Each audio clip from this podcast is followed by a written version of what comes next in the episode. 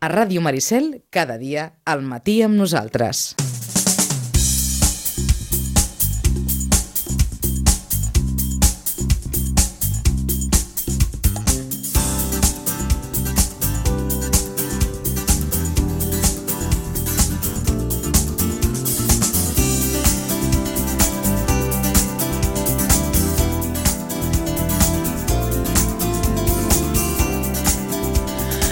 Vinga, doncs, en els minuts que segueixen hem de fer crònica esportiva d'un cap de setmana que ens deixa ja al final d'algunes competicions. Per exemple, amb la segona catalana de futbol, aquest cap de setmana, última jornada, amb la victòria, amb la golejada que va aconseguir la Unió Esportiva Sitges al camp de l'Òdena, un Òdena ja descendit, que no ha estat capaç de guanyar un partit en tota la temporada, només sumar dos punts, dos empats i aquest 2 a 7 dels sitgetans dissabte en l'Òdena que acaben amb una temporada amb aquella certa decepció per no haver pogut aconseguir l'ascens de categoria, un ascens que sí han assolit el Sant Mauro i el Prat B, mentre que el Sitges B, doncs, com diu aquell, a lo suyo. Eh, ahir, nova victòria, 1 a 3 al camp del Torrellenc en un campionat, aquest de tercera catalana, que deixa ja a la penya jove com a campiona. Uh, triomf històric per al conjunt de les Roquetes que l'any vinent jugarà amb la segona catalana ahir al migdia 12-0 al Masquefa. Tot s'ha de dir, el Masquefa ja descendit, cué i victòria aclaparadora del conjunt d'Àngel Llerena per certificar doncs, aquest ascens, aquest títol, a manca de dues jornades encara per acabar amb el campionat. Uh, I final amb un puntet agradols, el del bàsquet Sitges el passat dissabte a Pinsbens. Uh, abans de jugar el partit ja se sabia que no hi havia cap mena d'opció per assolir l'ascens en el maig que el va enfrontar amb l'UPSA, amb el segon equip del Sant Adrià, que doncs, va aprofitar eh, un mal tercer quart dels sitgetans eh, per endur-se el triomf 48 a 69. Ha faltat, com, com, com es diu en aquests casos, la cirereta al pastís. La temporada no ha estat pas dolenta, després ho comentarem amb, amb les reflexions en veu alta que feien acabar el tècnic Balta eh, Molina. No ha estat dolenta, repeteixo, la temporada, però sí que ha faltat doncs, eh, benzina eh? eh i, i una certa eh, sort en, en el capítol de lesions per afrontar aquestes fases eh, d'ascens. Com, com diu aquell també, l'any que ve més i millor, a veure si l'any vinent l'equip és eh, capaç d'aconseguir aquest preuat ascens a la primera categoria del bàsquet eh, català. 10 i 33. Eh, vinga, hem fet ja aquest preàmbul, comencem ja a desgranar aquesta jornada esportiva i començarem, com sempre, repassant els marcadors de futbol base.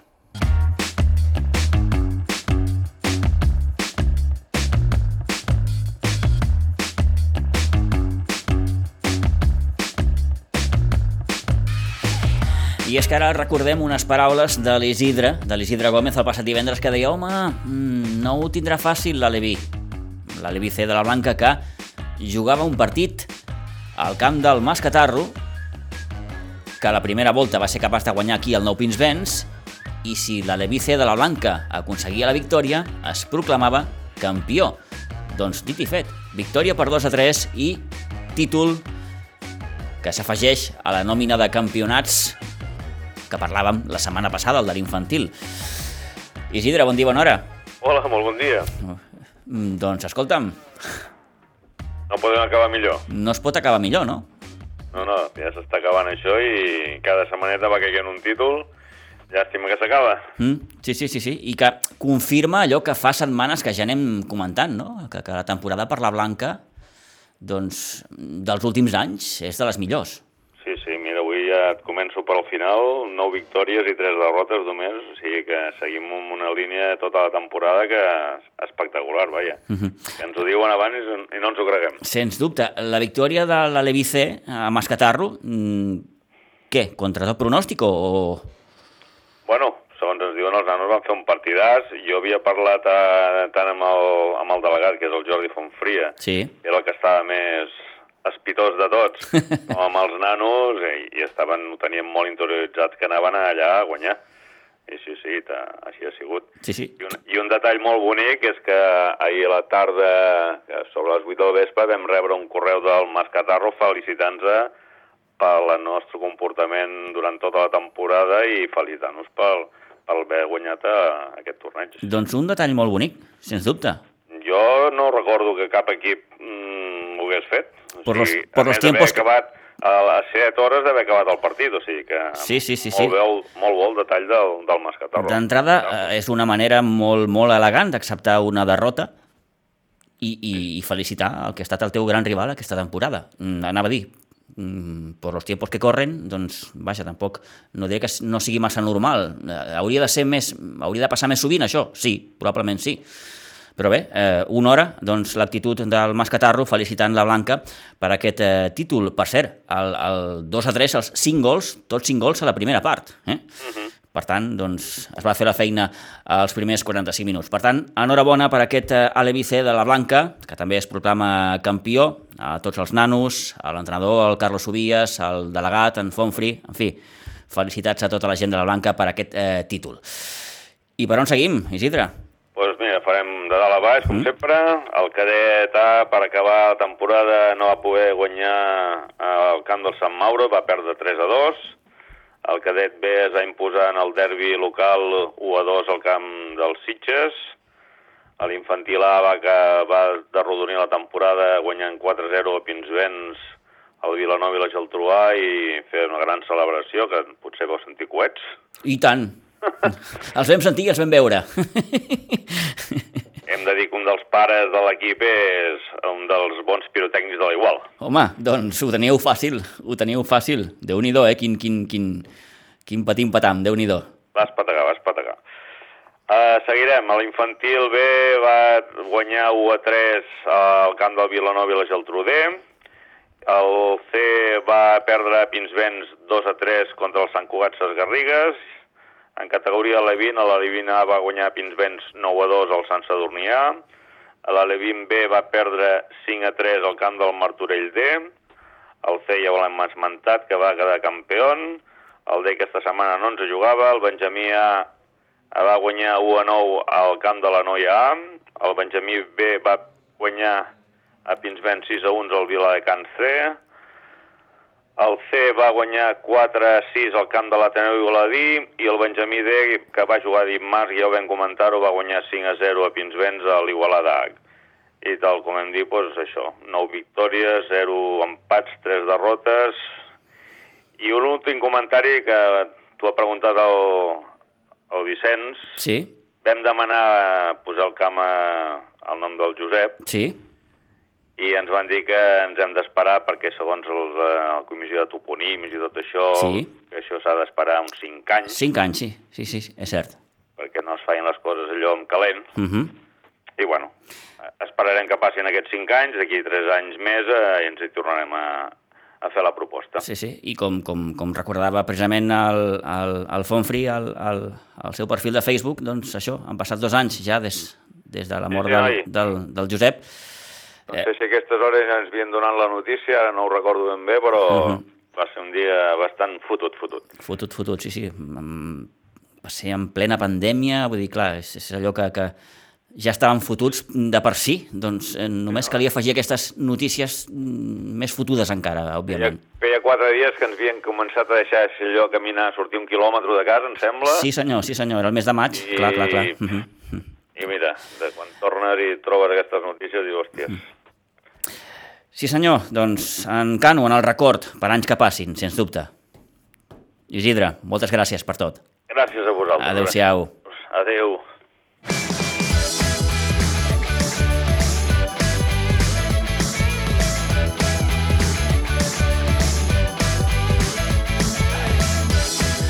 Deu i gairebé 40 minuts del matí repassats ja aquests primers marcadors del món del futbol base, felicitant de nou aquest Alevice de la Blanca per aquest títol, per aquest gran partit.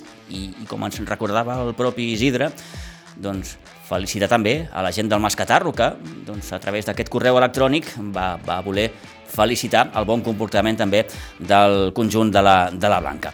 Última jornada del grup eh, segona, de la segona catalana, ho dèiem fa uns moments, la Unió Esportiva Sitges, eh, que eh, dissabte a la tarda va golejar 2-7 al camp de l'Òdena i, per tant, acaba i tanca aquest curs com a tercer classificat. Mm, no sé quina nota se li hauria de posar als Sitges. Li pregunto al Toni, per si de cas. Toni, bon dia. Bon dia. Quina nota Bon li dia, posaries? Home, jo li posaria una nota... Mm, És difícil, eh? veure, Eh, Entenc que la eh, pregunta és difícil perquè... eh, Eh, te lo diré, aprovat no, no? perquè per mi hagués aprovat eh, puixant. Val. Eh? Sobresalent tampoc, perquè sobresalent es queda primer. Mhm. eh? Doncs per mi no ha aprovat, per mi el- eh, doncs s'ha quedat a les portes en una temporada el que lo tenia tot a la primera volta per aconseguir com a mínim aprovar però no aprovat perquè queda tercer. El tercer no té premi Clar. i doncs després de tot l'esforç, després de, de tot el que se- s'havia aconseguit a la primera volta, eh, doncs a la segona ha sigut nefasta i això fa de que no se pugui aprovar. En qualsevol cas, Toni, dissabte va fer el que havia de fer, que era guanyar, sumar els 3 punts, amb aquests 7 gols i acabar doncs, amb aquest tercer, mm, tercer lloc, que com, com molt bé dius doncs, no, no dona premi, però en qualsevol cas la millor manera d'acabar un curs, que és guanyant i golejant. Sí, sí, sí, clar. Eh, és la millor manera eh, sempre i quan eh, doncs, tu estiguis per la meitat i diguis, bé, mira, he aconseguit el tercer lloc, perquè és l'opció que jo tenia, no? Però clar, quan tu veus que el Sitges tenia més opcions, tenia opcions de, que, de pujar, perquè aquest any doncs, el premi era doble, eh, i, i va estar molt a prop, i de fet eh, acabava la primera volta, i ningú podia pensar doncs, que això acabés com ha acabat, no? Clar, quedes tercer, és molt bo, acabes golejant al camp de l'Òdena, que sabíem que golejaria, perquè és un equip que no ha guanyat cap partit, i això ho diu tot, no? Eh?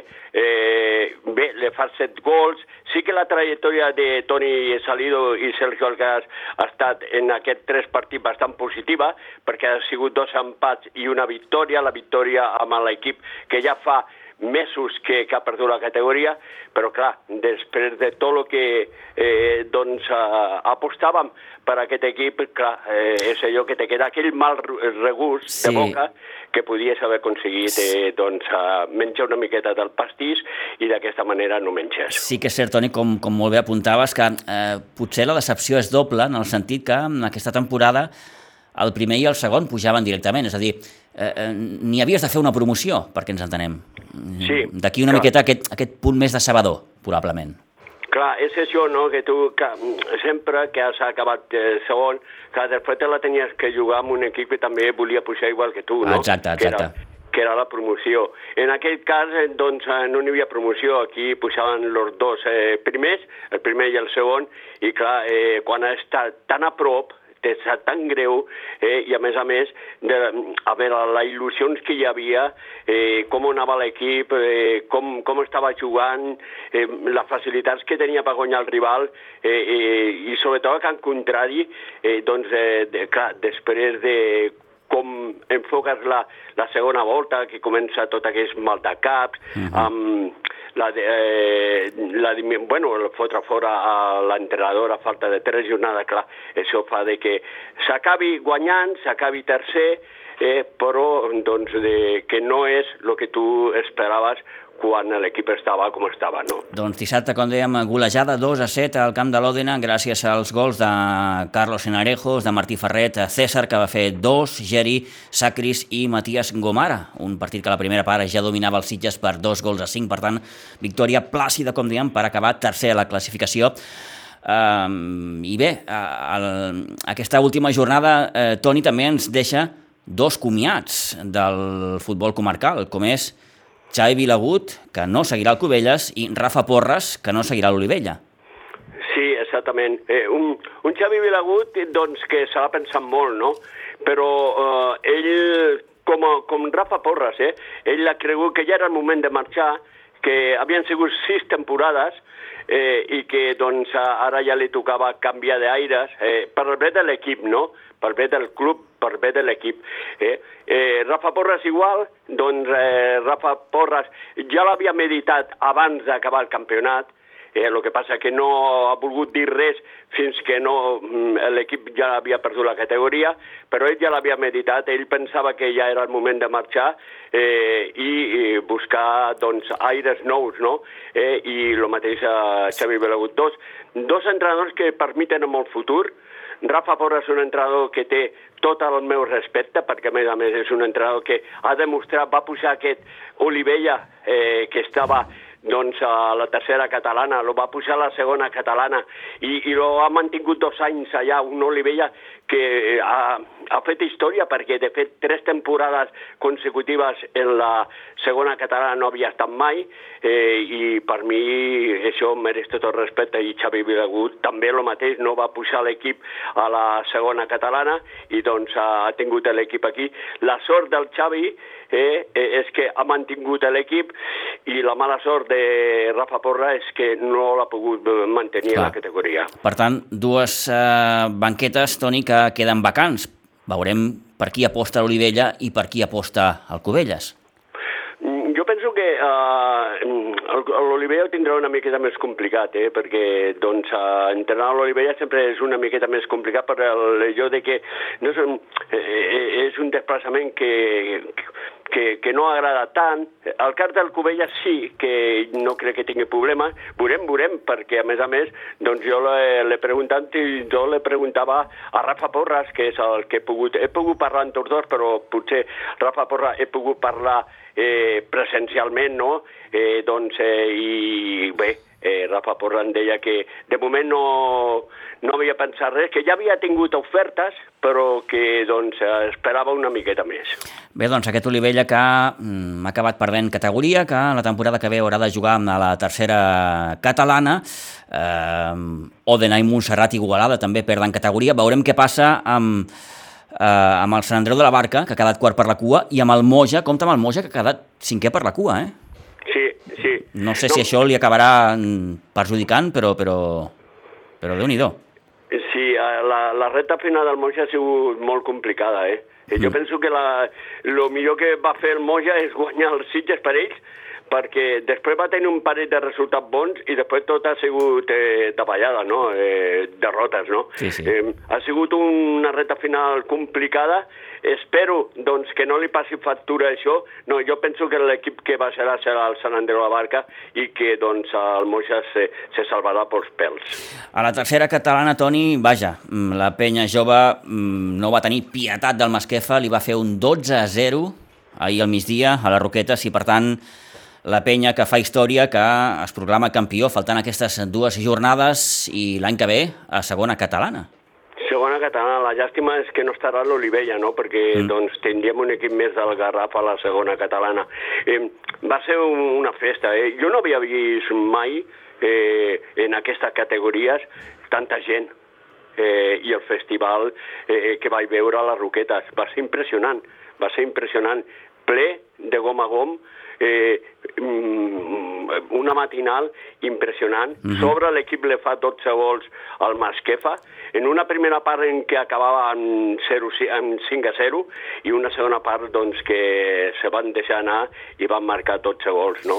Eh, sí, sí, sens realment... dubte la millor manera de... de, de vaja, per la porta gran, per la porta sí. gran, mai millor dit impressionant, impressionant, però el camp estava impressionant. No, ja t'he dit, fa molt de temps que jo no veia en aquesta categoria tanta gent. Doncs la nostra felicitació també per la gent de les Roquetes, per la gent de la penya jove que brillantment ha aconseguit aquest eh, títol i aquest ascens a segona catalana. I el Sitges B, Toni, que mm, bé, mm, com el treball de la formigueta, va fent, va fent, va fent, nova victòria, 1 a 3 al camp del Torrellenc amb hat-trick de Gianmarco.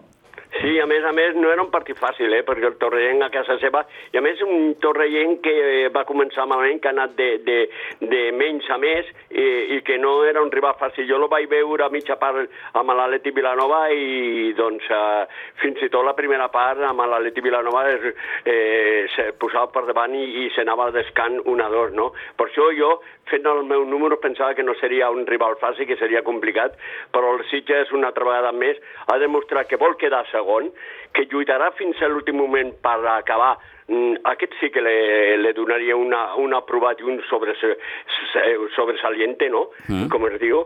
Eh, doncs aquest sí que l'aprovaria al màxim, perquè jo penso que la temporada que està fent aquest equip és impressionant. I ara sí, sí. amb l'Àlex Villagordo, doncs l'equip no ha notat el canvi, tot el contrari, ha anat a més, perquè sumar al camp del Torrellenc és molt, molt complicat. Hi ha una confiança absoluta, òbviament, i vaja, unes ganes d'acabar el campionat de la millor manera possible i, i això, vaja, eh, aquest segon lloc que el perseguiran fins l'última jornada. En queden dues encara, Eh, veurem com acaba tot plegat, eh, però, repetim, la penya jove ja és campió, l'any que ve jugarà amb la segona catalana, i el Sitges B, que mm, dissabte jugarà amb el seu últim partit aquí a casa, rebrà amb la Pobla de Claramunt. Ahir, per exemple, l'Atlètic Vilanova mm, va golejar precisament a la Pobla per 2 a 6, el Ribas també que va guanyar amb el seu partit 3-2 a, a la Noia, victòria per la mínima del Vilanova del Camí 1 a 0 amb la Múnia, per tant, res ha canviat més enllà com dèiem, d'aquest títol que aconsegueix la penya jove, perquè aquest segon lloc, Toni, i ja per acabar, mm, serà apassionant fins al final, eh? Molt apassionant, perquè n'hi ha un final, n'hi ha una jornada final en el que l'Atlètic Vilanova juga al camp del Vilanova del Camí. Sí, senyor. Eh? Eh, I clar, aquesta jornada pot decidir moltes coses. Si el Sitges fa la feina i el Sitges suma, eh, guanya els dos partits que li queden per jugar, que és el d'aquesta setmana i l'últim partit a Piera, sí. eh, doncs eh, el Sitges pot quedar segon sempre i quan l'Atlètic Vilanova doncs, no pugui guanyar el camp del Vilanova del Camí, que és un dels camps molt, molt complicats. Bé, doncs haurem d'estar atents a aquesta última jornada que li podria donar la possibilitat al Sitges B d'acabar doncs, com a sotscampió, que seria, sens dubte, una gran, una gran temporada. Toni, ho deixem aquí. Moltes gràcies. Que vagi molt bé. Molt bé, Pitu. Gràcies. Bon bona dia. setmana. Adéu-siau. Adéu.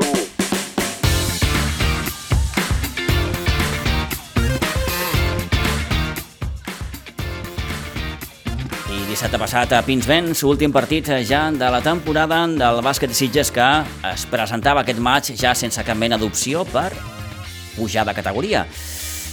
Mm, és allò, aquell sentiment diem-li una mica agradols, d'haver fet una molt, molt bona fase prèvia, fase regular, i la sensació que t'ha faltat benzina per arribar en les millors condicions per afrontar les fases d'ascens, on només s'ha pogut aconseguir dues victòries. Curiosament, els dos partits contra el quart, tant allà com aquí. Al final, derrota 48 a 69 davant l'UPSA, davant un Sant Adrià B, un equip jove, un equip molt enèrgic que, gràcies a aquesta victòria i a la derrota del Vilassar a la seva pista contra el quart per 56 a 58, doncs li va donar la possibilitat i l'ascens i, per tant, l'any que ve el conjunt del Sant Adrià que jugarà a la primera categoria del bàsquet català. Del partit, poca cosa a dir, més enllà que els dos primers quarts, el Sitges, el bàsquet de Sitges sí que va ser capaç de competir, partit igualat, empat a 29, amb el tercer període amb un parcial de 5 a 22 i el Sant Adrià doncs, que al final va aconseguir aquesta victòria per 48 a 69, òbviament, alegria per aquest eh, triomf i per aquest ascens eh, i mm, aquest mm, cert regust, eh, un pèl amarg, eh, només un pèl amarg per a la gent del bàsquet Sitges que, malgrat tot, doncs, van voler eh, tenir un bon comiat davant dels seus afeccionats. I últim partit, ja ja no només de la temporada, sinó per sempre, de Noel Guillén, que es retira del bàsquet. Ja ens va dir més o menys, l'últim cop que vam parlar amb ell, que mm, probablement seria ja l última temporada defensant els colors del bàsquet Sitges.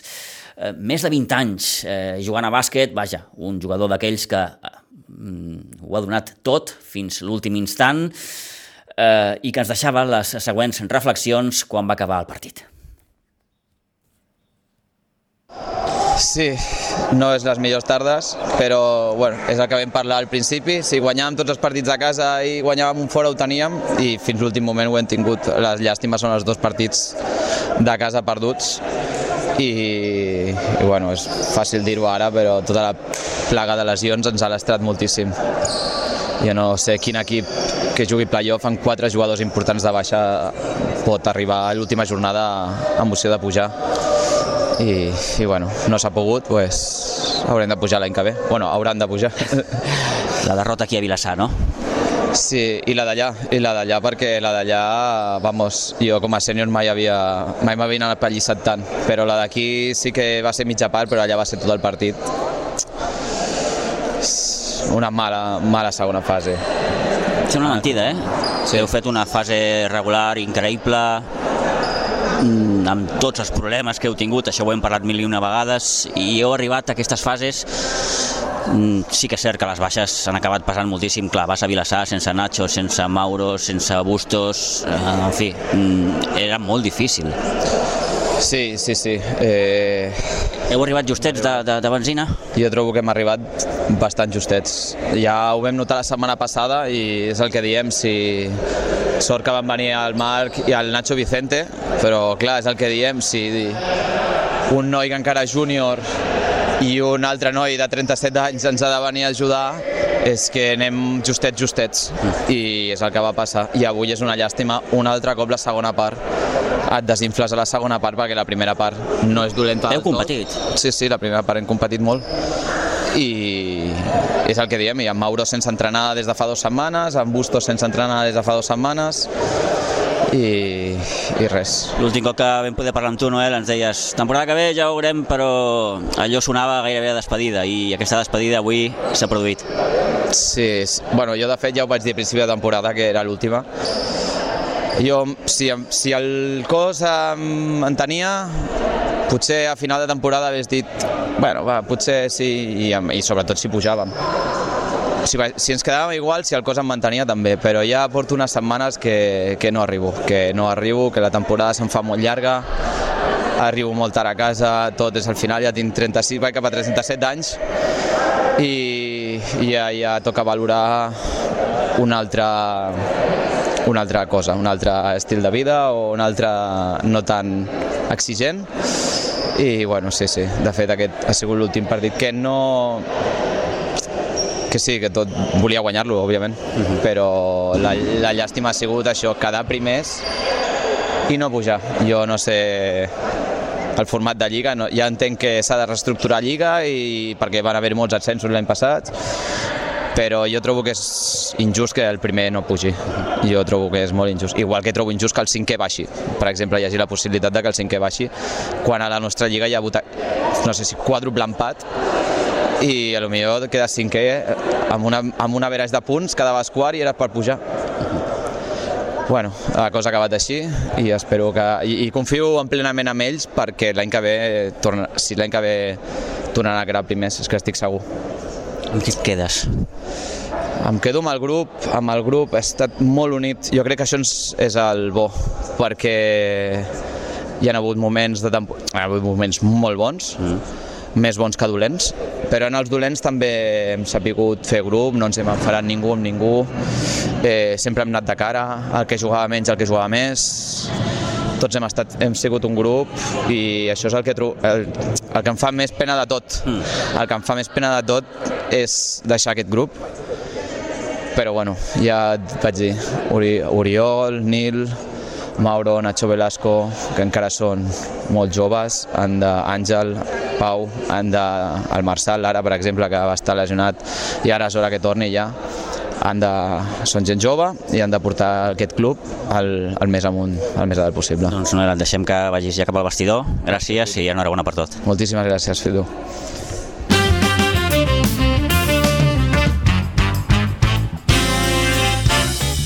Bé, un Noel Guillén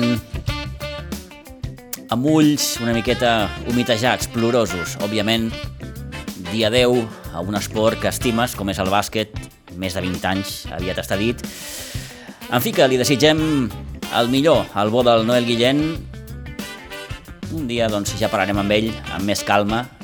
Ja ens ha dit que estarà encantat de venir i poder doncs, fer repàs a aquesta amplíssima trajectòria, repeteixo, de més de 20 anys i amb la calma també eh, que donava gairebé un pavelló de Pinsbens ja gairebé buit, vam poder conversar amb Balta Molina i les reflexions en veu alta que feia el tècnic després d'aquesta mm, tampoc m'atreveixo a dir decebedora fase d'ascens, eh, però en fi, mm, repeteixo, l'equip no ha arribat en les millors condicions i això ho ha acabat pagant.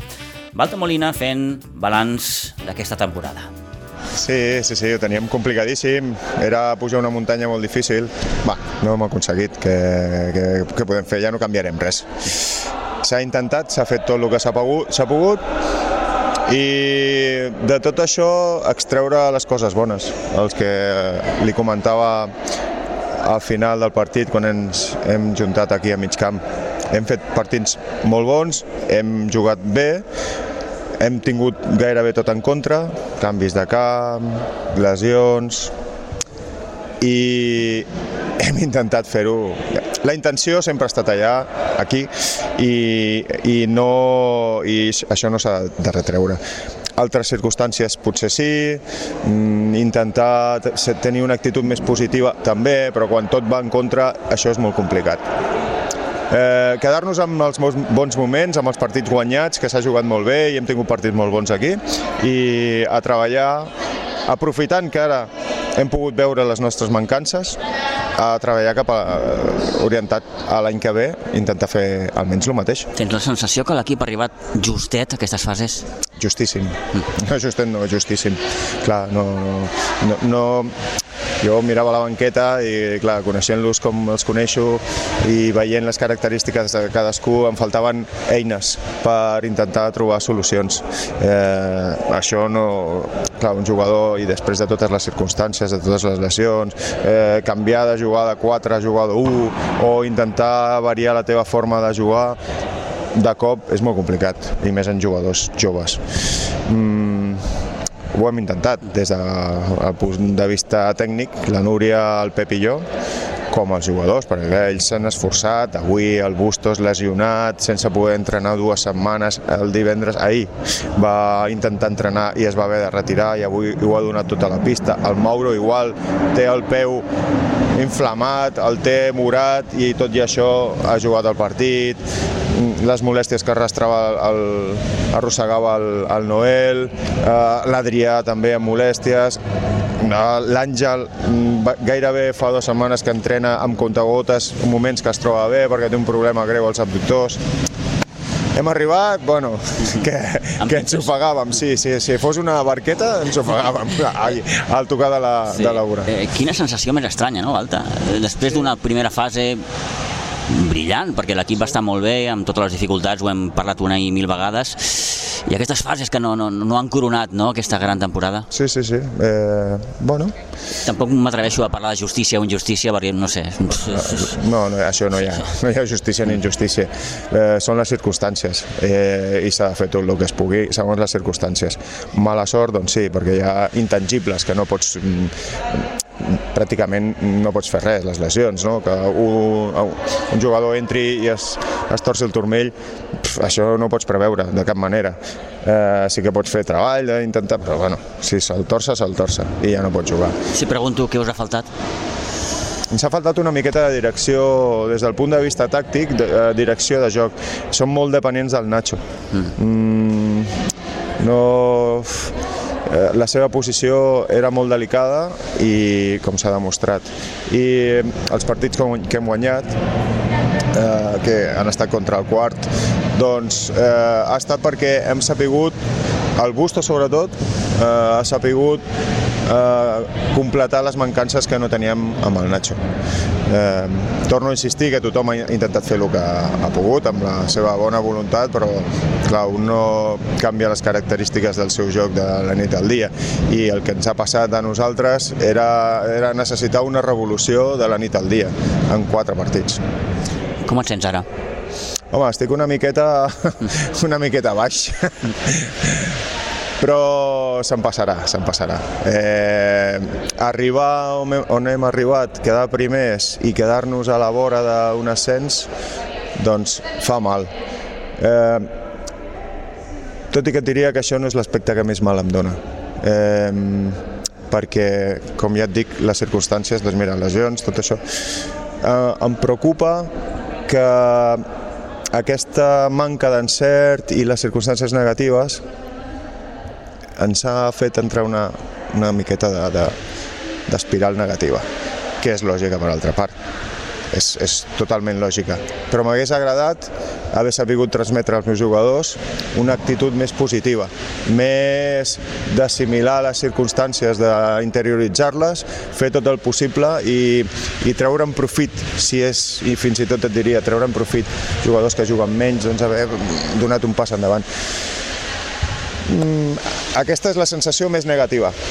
Per altra banda, eh, no estic preocupat per no haver pujat, perquè ho hem donat tot i hem fet tot el possible. i penso que dintre de lo dolent, si haguéssim pujat amb aquestes mancances que, que tenim i que s'han vist ara amb aquests partits jugats amb equips d'entitat, mm, ho haguéssim passat malament l'any que ve, a primera catalana. Hem descobert què ens manca, treballarem amb això per que fer un millor equip, que en definitiva és el que vulguem, perquè tant a primera com a segona eh, els jugadors que estan a la pista seran els mateixos. Eh, sí que s'haurà de veure un, una miqueta més bon bàsquet, però la gent que vindrà a la grada vindrà a veure el Nil, el Pau, l'Uri, el Nacho, a, a, fi, a tothom, a l'Omar, a l'Àngel, a tothom. I... La part més positiva de tot plegat crec que és això que dius, no? Vull dir que hi ha, que hi ha un grup de jugadors joves que, que, que en certa manera han fet ja un pas al front, no? Sí, sí, sí, sí, així és. Eh, han hagut de, de treballar per tirar les castanyes, a treure les castanyes del foc.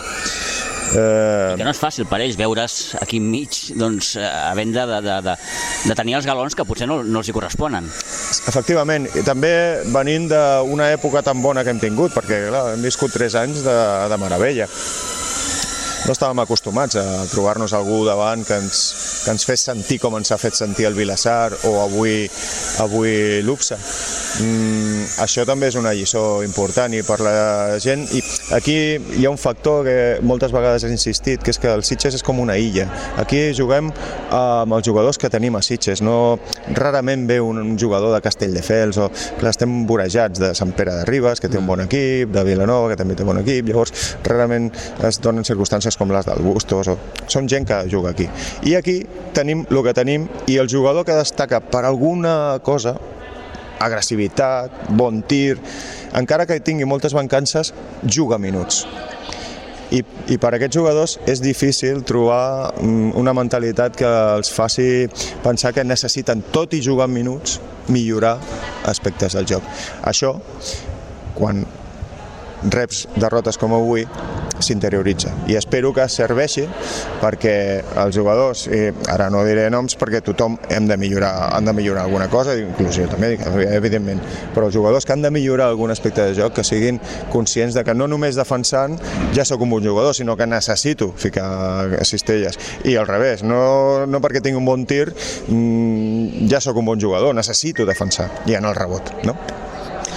Molt bé, senyor. Doncs moltíssimes gràcies per aquests minuts, eh, per aquestes reflexions en veu alta i, i bé, per què no? Enhorabona, no? Perquè sí, eh, tant, la temporada també ha estat, ha estat, ha estat molt bona. Clar, i tant que sí.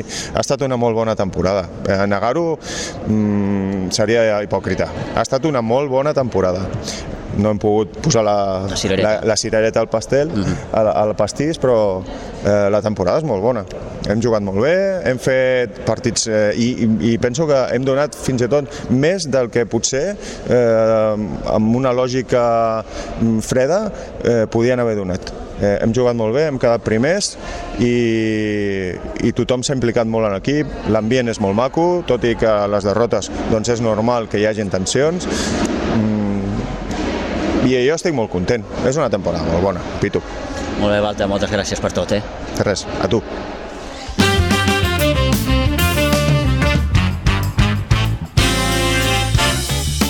Sí que és cert que ha faltat, doncs, bé, aquest premi final, no? aquest ascens a la primera categoria.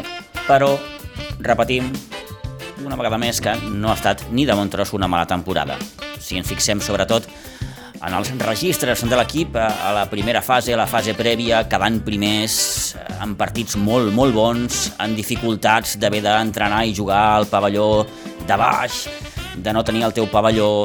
En fi, mm, tot això ha acabat passant, en certa manera, i repeteixo també el fet d'haver arribat justet eh, d'efectius, les lesions que han passat molt, sobretot la de Nacho Velasco, però, òbviament, com, com, com deia Balta Molina, depens massa no? de direcció de, de, de joc del, del Nacho i això tampoc pot, pot, pot ser. Bé, veurem com, com planteja l'equip i el club la temporada que ve i si l'any que ve doncs, eh, es dona el salt definitiu a aquesta primera catalana. Per acabar, dir que el sènior B va perdre el seu últim partit, 60-50, a Viladecans. La temporada que ve, malauradament, jugarà a la territorial B. I el sènior femení, que tampoc ha pogut pujar de categoria, va perdre 56-53 a la pista d'Alcaldes. Una temporada, malgrat tot, de les noies de Nacho Vicente, malgrat, repeteixo, no han pogut pujar a tercera catalana. I un darrer punt de rugby per dir que, i felicitar a l'equip sub-18 del Rugby Club Sitges que aquest cap de setmana ha aconseguit fer-se amb el títol de la Copa Catalana de Rugby a 7. Per tant, bona temporada també dels nois del sub-18 del Rugby Club Sitges, com dèiem, campions d'aquesta Copa Catalana de Rugby a 7.